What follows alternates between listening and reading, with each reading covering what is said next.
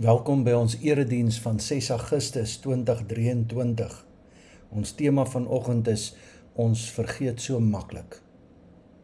Die hemel moet U wonders prys, Here, want wie in die uitspansel kan langs die Here gestel word? Wie onder die hemelwesens is aan die Here gelyk? Here God van alle magte, wie is so magtig soos U, Here?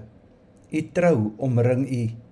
Aan U behoort die hemel ook die aarde behoort aan U, die wêreld en alles daarop. U, U het dit gegrondves. Die noorde en die suide, U, U het dit geskep. Die Here moet vir ewig geprys word. Amen.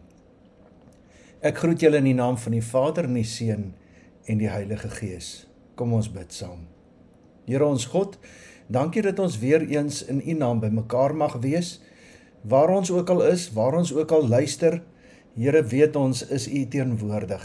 Dankie dat U U woord vir ons gee, dat U dit vir ons oopbreek sodat ons daardeur kan groei en meer van U en U Vaderhart kan leer.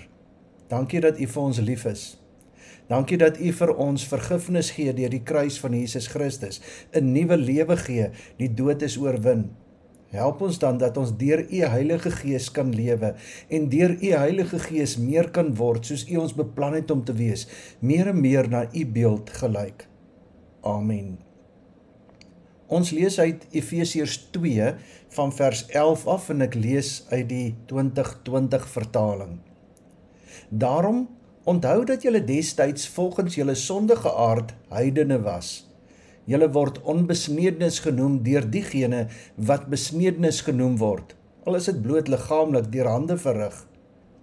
Onthou dat julle in daardie tyd sonder Christus was, uitgesluit van die burgerskap van Israel en vreemdelinge ten opsigte van die verbondsbeloftes, sonder hoop en sonder God in die wêreld. Maar nou in Christus Jesus het julle wat destyds ver weg was, naby gekom deur die bloed van Christus. Hy is immers ons vrede, hy wat albei een gemaak het en die middelmuur van skeiding, die vyandskap deur sy liggaam afgebreek het. Hy het die wet met sy eise en reëls tot niet gemaak sodat hy deur vrede te maak in homself die twee tot een nuwe mens kon skep. En sodat hy albei in een liggaam met God kon versoen deur die kruis deurdat hy daaraan die vyandskap vernietig het.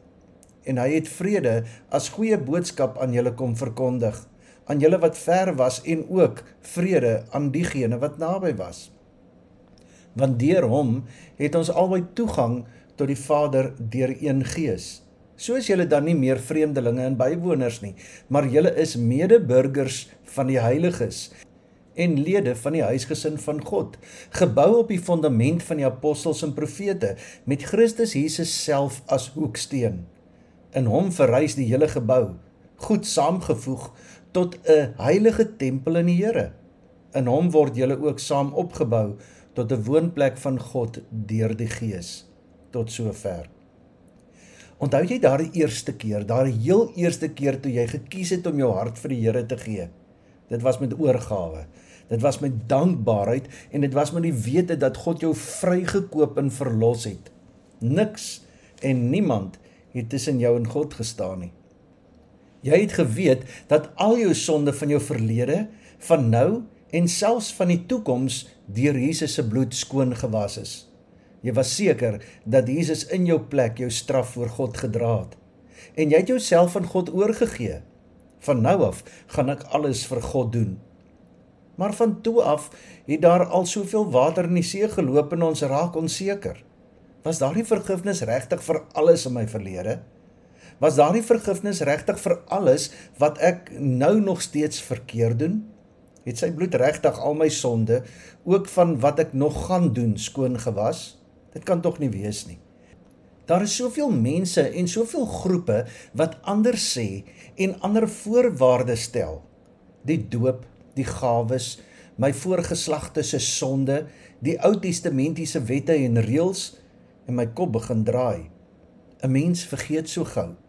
Sommer gou-gou raak mense onseker of hulle gered is of dink hulle dat daardie oorgawe nie genoeg was nie. Met ander woorde dat God nie regtig by daardie geleentheid jou vrygespreek het nie. En tog sê 1 Johannes 5 vers 12 en 13, wie die seun het, het die lewe. Wie die seun van God nie het nie, het nie die lewe nie. Dit het ek aan julle geskryf sodat julle kan weet dat julle die ewige lewe het, julle wat in die naam van die seun van God glo. Dis tog so duidelik.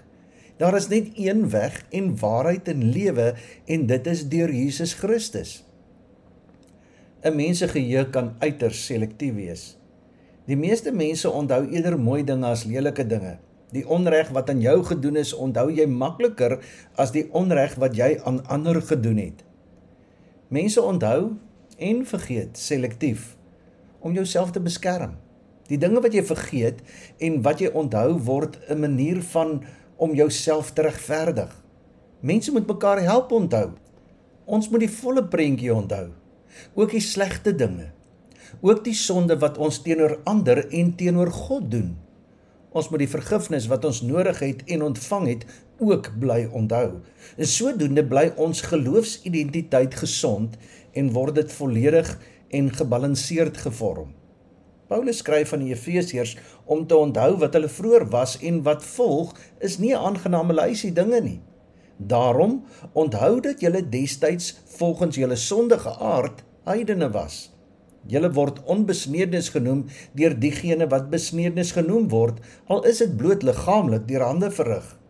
Onthou dat julle in daardie tyd sonder Christus was, uitgesluit van die burgerskap van Israel en vreemdelinge ten opsigte van die verbondsbeloftes, sonder hoop en sonder God in die wêreld. sien dis wat hulle was. Jy moet onthou dat jy sonder die verlossing in Christus verlore was. Jy moet jou sondigheid van vroeër onthou sodat jy nie weer daarin vasgeval sal word nie. Ons sal die volle betekenis van die nuwe lewe in Christus nooit ons eie maak as ons nie die vroeër bly onthou nie. Die Efesiërs was heidene, mense wat nie deel van God se volk was nie. Onbesnedenis, mense wat nie die teken van God se genade in sy verbond met die regte Israeliete gedra het nie. Hulle was sonder Christus, uitgesluit uit die verbond tussen God en God se volk. Mense wat sonder die beloftes van God moes lewe, sonder hoop en sonder God in die wêreld. Jy moet hierdie dinge onthou. Onthou dat jy uit jouself verlore was. Jy het niks gehad om op aanspraak te maak om voor God te lewe nie. Jy moet onthou dat jy in jouself geen reg het om eers te bid en te verwag dat God jou sal hoor nie. Terwyl baie Christene die boeke op die slegte verlede wil toemaak, sê Paulus die boeke van die verlede moet oopbly. Onthou wie jy was. Dit het alles met die vorming van die nuwe identiteit in Christus te doen. Wie weet wat jy vroeër was, weet ook wie jy nie langer is nie.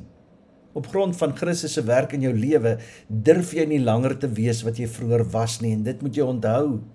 Christus het jou verander. Jy's 'n nuwe mens. Jy is en moet nou anders wees. Ons moet in gedagte hou dat ons identiteit gelyk was aan die identiteit van die sondige wêreld. Maar jy is nie meer so nie en daarom kan jy nie daarin rondploeter nie. Sonder Christus was ons dood. Ons was onder die oordeel van God. Maar God wat ryk in barmhartigheid, genade en liefde vir jou is, het jou in Christus lewend gemaak, herskep, vrygekoop. Hierdie redding kom nie uit jouself nie. Jy kan dit op geen manier self bereik nie. Dit is hoekom Jesus juis vir jou in die kruis gesterf het. Hy het dit vir jou gedoen, in jou plek gedoen, namens jou gedoen. Jou geloof in Christus wat God in jou bewerk het, het vir jou die nuwe lewe laat aanbreek. Onthou dit, dit was nie jy nie.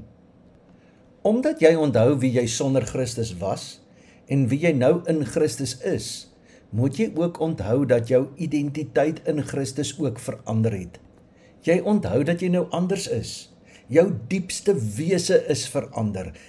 Julle is nuwe mense en julle is geroep om nou anders te lewe. Baie van ons kom uit huise wat al vir dosyne geslagte lank Christene is. Ons is nie meer so direk bewus dat daar 'n tyd was dat ons nie in 'n Christelike atmosfeer gelewe het nie. Sê hierdie teks vir ons iets. Ons het natuurlik tot geloof gekom uit 'n persoonlike lewe van ongeloof. Dalk was ons ouers ver van die Here en het ons die Here op 'n kragtige manier ontmoet. Vir diegene is die krag van die teks makliker om raak te sien. Maar selfs diegene wat Christelik groot geword het en nooit 'n radikale oorgang in hulle lewe uit 'n lewe van afvalligheid beleef het nie, sê die teks iets spesiaals. Laat ons onthou wat ons is, is net die genade van God. Dit is God wat geloof en nuwe lewe skenk. Sonder Christus is jy verlore. Sonder God sou jy steeds in die vorige lewe vasgevang wees.